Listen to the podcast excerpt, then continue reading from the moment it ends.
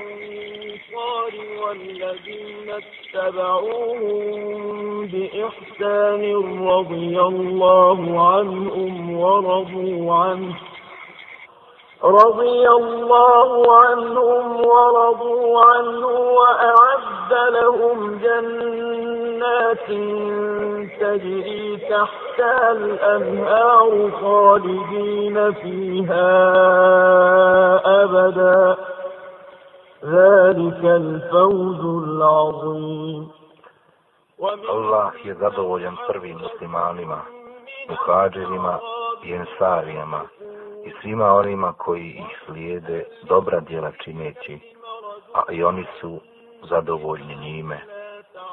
Za njih je on pripremio dženecke bašće kroz koje će rijeke teći i oni će vječno i zauvijek u njima boraviti. To je veliki uspjeh. Abdullah ibn Abbas vrijedni ashab, bio je karakterističan iz nekoliko razloga. Imao je čast da je bio ashab Allahova poslanika i što se družio s njim, pa makar to druženje bilo kratko. Druga čast mu je bila ta što je bio bližnji rođak Allahova poslanika, odnosno Amidžić. Treća čast mu je bila ta da je bio jedan od najčuvenijih ashaba i zato su ga zvali Hibru ummeti Muhammed, dobri učenjak ummete Muhammedov alihi selam. Četvrta čast Ibn Abasa je takvaluk. Za njega se kaže da je postio danju, a noći provodio u ibadetu. U svakoj prilici bi istikfar činio. Puno je plakao iz straha od Allaha Đalešanuhu, tako da su mu na licu ostale dvije crte. Abdullah ibn Abbas je pravi učenjak koji je istinski spoznao Allaha Đalešanuhu. Bio je najbolji poznavalac Kur'ana i najsposobniji u tefsiru, tumačenju Kur'ani Kerima i najsposobniji u iznalaženju njegova smisla, značenja. Tako da je imao samo 13 godina kada je preselio Allahov poslanik na Ahiret. I pored tako kratkog druženja sa Allahovim poslanikom, ipak je uspio da nauči 1660 hadisa koje su zabilježili Buharija i Muslim u svojim sahihima. Čim se rodio, majka ga je donijela Allahovom poslaniku i on mu je stavio svoju mubarek pljuvačku usta. I to je bilo prvo što je bilo stavljeno djetetu u usta. Mubarek, pljuvačka Allahova poslanika, sa njom je ušla bogobojaznost, mudrost. A kome da Allah Đelešanuhu mudrost, dao mu je mnogo dobra. Abdullah je stalno bio uz poslanika. Kada bi se htio abdestiti Allahov poslanik, Ibn Abbas bi mu pripremao vodu, a kad bi klanjao, stao bi iza poslanika. Kad bi poslanik putovao, sa sobom bi vodio Ibn Abasa i stavio bi ga na jahalici iza sebe. Ibn Abbas je bio prava sjenka Allahovog poslanika. Pored svega toga, on je bio čista srca i razuman i bio je oštrouman. Prenosi nam svoj doživljaj sa Allahovim poslanikom. Kaže, jednom prilikom je htio Allahov poslanik da se abdesti, pa sam požurio da mu pripremim sve što treba za abdest. I drago mu je bilo za ono što sam učinio. Pošto je htio da klanja i šaretio mi je da stanem pored njega, pa sam stao iza njega. A kad je završio namaz, okrenuo se prema meni i upitao me, zašto nisi stao do mene, Abdullahu? Odgovorio sam, iz poštovanja prema tebi, poslaniče. Podigao je ruku, Allaho poslanik, i obratio se Allahu Đalešanuhu ovom dovom. Moj Allahu, podari mu mudrost.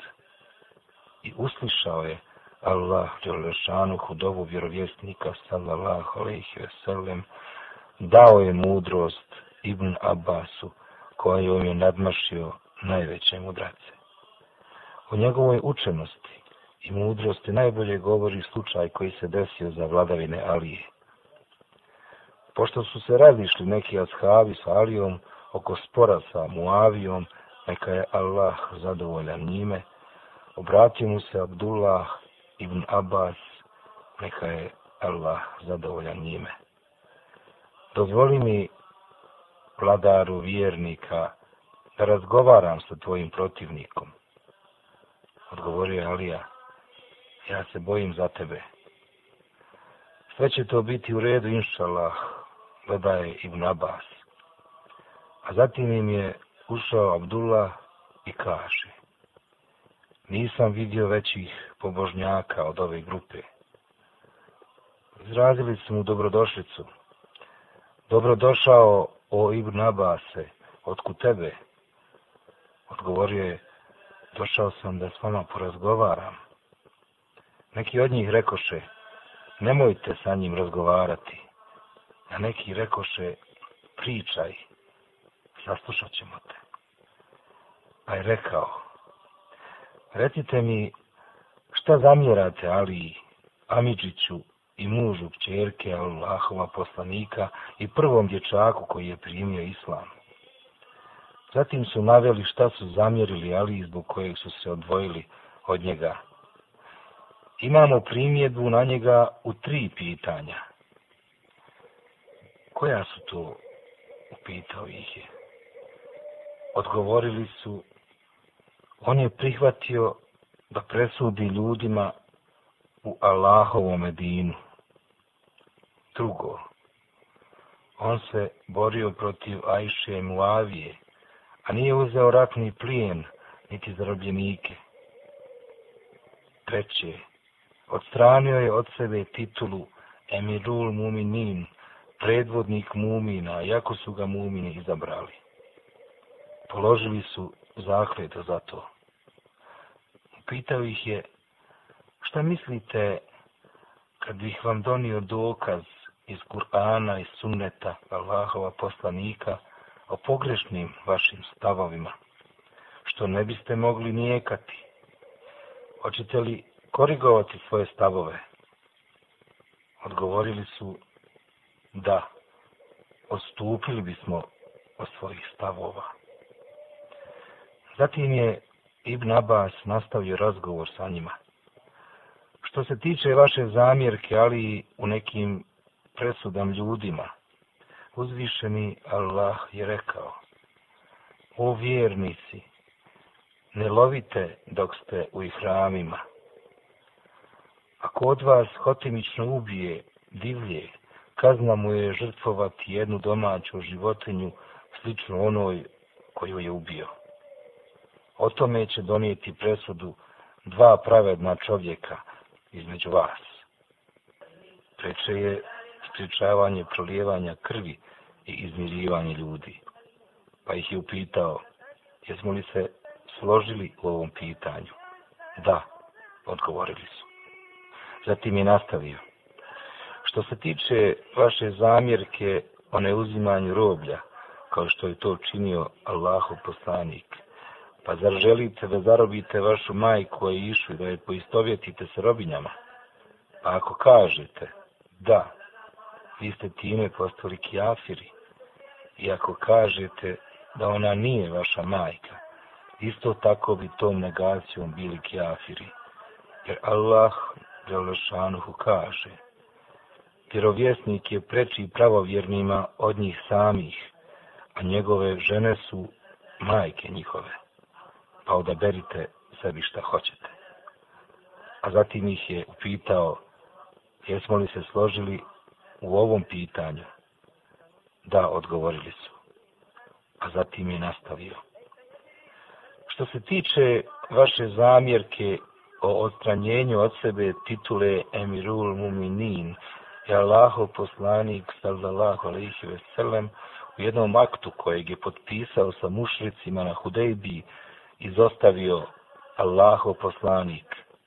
Kada su mu prigovorili mušrici za potpis Muhammed, Allahov poslanik, rekli su mu, da te priznajemo za poslanika, ne bismo te spriječili da dođeš Bejtullahu i ne bi se protiv tebe borili.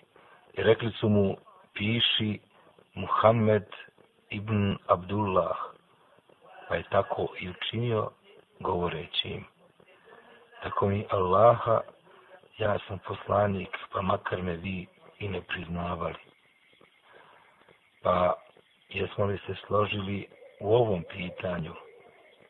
Da, odgovorili su. Ishod te rasprave bio je da je Abdullah uspio vratiti u Aline redove od 24.000 20.000. 4.000 alinih protivnika ostali su uporni iz inata i tvrdoglavosti. Ovakav vidljiv rezultat je postigao zahvaljujući njegovoj mudrosti i jasnim dokazima. Zato je imao sve uslove. Dušu je napajao sa čista izvora, sve do smrti Allahova poslanika. Poslije je svoje znanje kompletirao od ostalih učenika ashaba. Abdullah ibn Abbas nam priča svoje doživljaje na putu sticanja nauke pa kaže Kada bi čuo hadis od jednog od ashaba, došao bih mu pred kućna vrata u vrijeme podnevnog odmora, stavio bih svoj grtač sebi pod glavu pred njegovim kućnim vratima. Vjetar bi na mene nanosio prašinu, a da sam zakucao na vrata, pustili bi me u kuću. To sam radio tako iz nekog poštovanja prema onom koga učim. A kad izađu iz kuće, začude se kad me vide u ovakvom halu i obrate mi se riječima.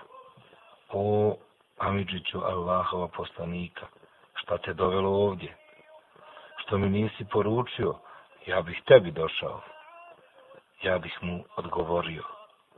Ja sam preči da tebi dođem, jer se nauci dolazi na noge, a nauka ne dolazi. A zatim bi ga upitao za hadis. Kao što je bio Ibn Abbas vrlo ponizan u traženju nauke, isto tako je znao da cijeni učene ljude u lemu. Da je to tako, najbolje nam može potvrditi ovaj primjer sa Zeidom Ibn Sabitom, pisarom objave i najsposobnijim čovjekom u Medini u pitanju pravosuđa, fikha, učenja Kur'ana i nasljednog prava. Jednom prilikom je htio da uzjaše na devu, a Ibn Abbas je iz poštovanja uzeo za ular devin i pomogao mu da uzješi. Ibn Abbas se ponašao kao rob prema gospodaru. I rekao mu je Zeid, ne treba ti to Ibn Abbasu, na što mu je odgovorio. Ovako nam je naređeno da postupamo prema učenim. Ponovno se obrati Zeid. Daj mi svoju ruku. Pružio mu je ruku, a Zeid je prihvatio ruku i poljubio je govoreći. Ovako nam je naređeno da postupamo sa porodicom našeg poslanika. Bio je neumoran Ibn Abbas u traženju i izučavanju nauke, tako da je izrastao u jednog vrsnog stručnjaka i poznavaoca više oblasti iz islamske znanosti. Jedan od velikih tabina, Mesruk ibn el Eđev, je rekao za Ibn Abasa. Kad bi vidio Ibn Abasa, rekao bih, najljepši čovjek. A kad bi nešto progovorio, rekao bih, najričitiji čovjek. A kad bi vazio, rekao bih, najučeniji čovjek. Kad je Ibn Abbas upotpunio svoje znanje i postao veliki učenjak, to svoje obilno znanje nastojao da prenese na druge. Njegova kuća je postala pravi univerzitet muslimana, ravnopravan današnjem univerzitetu, s tim što današnji univerziteti imaju desetine i stotine profesora, a na univerzitetu Ibn Abasa bio je on sam. Priča nam o njemu jedan od njegovih drugova. Vidio sam kod Ibn Abasa mnogo naroda. Ne samo kuća, već i ulice u blizini postale su pretjesne. Ušao sam kod njega i obavijestio ga o velikoj masi svijeta koji su došli kod njega. Naredio je da mu se donese voda da se abdesti, a pošto se abdestio, sjeo je i rekao mi, izađi i reci im, ko želi da pita nešto o Kur'anu i načinu učenja, neka uđe. Izašao sam i rekao im to. I ušli su u tolikom broju da su napunili kuću. Što god su ga upitali, on im je odgovorio. Ne samo da je odgovorio na postavljena pitanja, nego je bio mnogo opširniji. A zatim im rekao, oslobodite mjesta vašoj braći. Izašli su. Meni se ponovno obrati riječima. Izađi i reci im. Ko želi da pita iz oblasti tefsirske nauke, neka uđe. Izašao sam i rekao sam im. I ušli su u tolikom broju da su kuću napunili. Što god je bio upitan, odgovorio je i više od toga. A zatim im rekao, oslobodite mjesta vašoj braći. Izašli su. Meni se ponovo obrati riječima. Izađi i reci. Ko želi da pita o halalu i haramu i uopšte iz oblasti fikha, neka uđe. Izašao sam i rekao im to. Ušli su u tolikom broju da su kuću napunili. Što god je bio upitan, on im je odgovorio i više od toga. Oslobodite mjesta drugima, rekao im je Ibn Abbas. Izašli su, a meni naredio da izađem i pitam, ko želi da pita nešto iz nasljednog prava, neka uđe. Izašao sam i rekao im, i ovoga puta kuća je bila puna zainteresovanih za tu oblast. I ovoga puta što god je bio upitan, odgovorio im je i više od toga. Kad je sa njima završio, rekao im je, oslobodite mjesta drugim. Izašli su. A zatim je meni naredio da izađem i pitam i pozovem one koji imaju pitanje iz oblasti sintakse, arapske književnosti i stranih riječi. I ovog puta kuća je bila puna i odgovorio je na sva postavljena pitanja. Ova prevelika gužva primorala ga je da podijeli dane u sedmici po oblastima, tako da se ne bi ponovila ona gužva koja je bila. Odredio je jedan dan samo za tefsir, jedan dan samo za fik, jedan dan samo za historiju, jedan dan u sedmici samo za poeziju. Svako ko bi sa njim razgovarao od učenjaka, priznavao bi njegovu veliku učenost. Ako bi ga što upitao, imao je odgovor. Ibn Abbas se proslavio vrlo rano kao dobar alim. To obilno znanje koje je posjedovao učinilo ga je savjetnikom četvorice halifa, iako je bio vrlo mlad. Kod svakog težeg pitanja, Omeru nije bilo teško, iako je bio halifa i stariji od njega, da se obrati Ibn Abbasu i drugim učenjacima. Poseban respekt imao je Omer prema Ibn Abbasu, jer je mnogo držao do njegova mišljenja. Neki su mu zamjerili što ga je toliko uforsirao kao dječaka. Ni u danima izučavanja i potrage za naukom nije zaboravio obični svijet i njegovu obavezu prema njemu, pa ima običaj da im zakazuje vazove i dersove. Često se obraćao griješnicima riječima. O griješnici, nemojte biti sigurni za završnicu vašeg grijeha. Znajte da ono što proizilazi iz grijeha veće je od samog grijeha. Tvoje neosjećanje stida od onih koji su na tvojoj desnoj i lijevoj strani u trenutku griješenja je veće od samog grijeha. Tvoje smijanje u trenutku činjenja grijeha, a ti znaš kako će te Allah kazniti, veće je od grijeha. Tvoje zadovoljstvo s grijehom koga činiš, veće je od grijeha. Tvoja tuga zbog počinjenog grijeha, veća je od grijeha.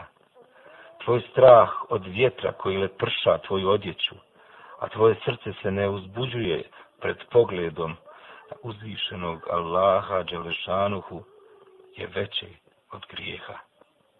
Znaš li kakav je bio grijeh Ejuba, alaihisselam, zbog kojeg ga je Allah Đalešanuhu stavio na veliko iskušenje u tjelesnom i materijalnom pogledu. Njegov grijeh je bio odbijanje prilaska u pomoć nevoljniku koji je zatražio od Ejuba, ali i selam, da spriječi zulum nad njim. Ibn Abbas nije bio od onih koji jedno govore, a drugo rade. On je postio danju, a noći bi provodio u ibadetu. Ovijestio nas je Abdullah ibn Mulkete. Putovao sam sa Ibn Abbasom, neka je Allah zadovoljan njime iz Meke u Medinu. Kada bi zakonačili, provodio bi pola noći u ibadetu, dok bi drugi spavali od silnog umora. Jedne noći sam ga čuo gdje uči ovaj ajet. I doći će smrtne muke u istinu. To je ono od čega ne možeš pobjeći. Stalno je ponavljao ovaj ajet plačući. To je činio sve do zore. Često plakanje mu je ocrtalo dvije crte na licu. O učenosti i popularnosti Ibn Abbasa, neka je Allah zadovoljan njime, najbolje nam govori ovaj slučaj. Kada su iste godine pošli na hađ, on i halifa Muavija ibn Ebu Sufjan, zajedno sa halifom pošli su njegovi saradnici i simpatizeri.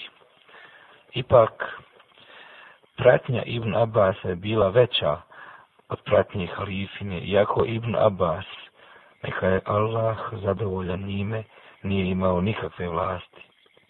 U pratnji Ibn Abasa bili su oni koji su željni nauke. Živio je Ibn Abbas 71 godinu. Za to vrijeme napunio je zemlju naukom, mudrošću i bogobojaznošću. Dženazu mu je klanjao Muhammed ibn Hanefije, jedan od Alijinih sinova i ostali ashabi i tabini. Dok su ga zakopavali, čuli su kako neko uči ovaj ajet. O smirena dušo, vrati se svom gospodaru zadovoljna, iz kojom je Allah zadovoljan. Pa uđi među moje robove i uđi u džennet moj.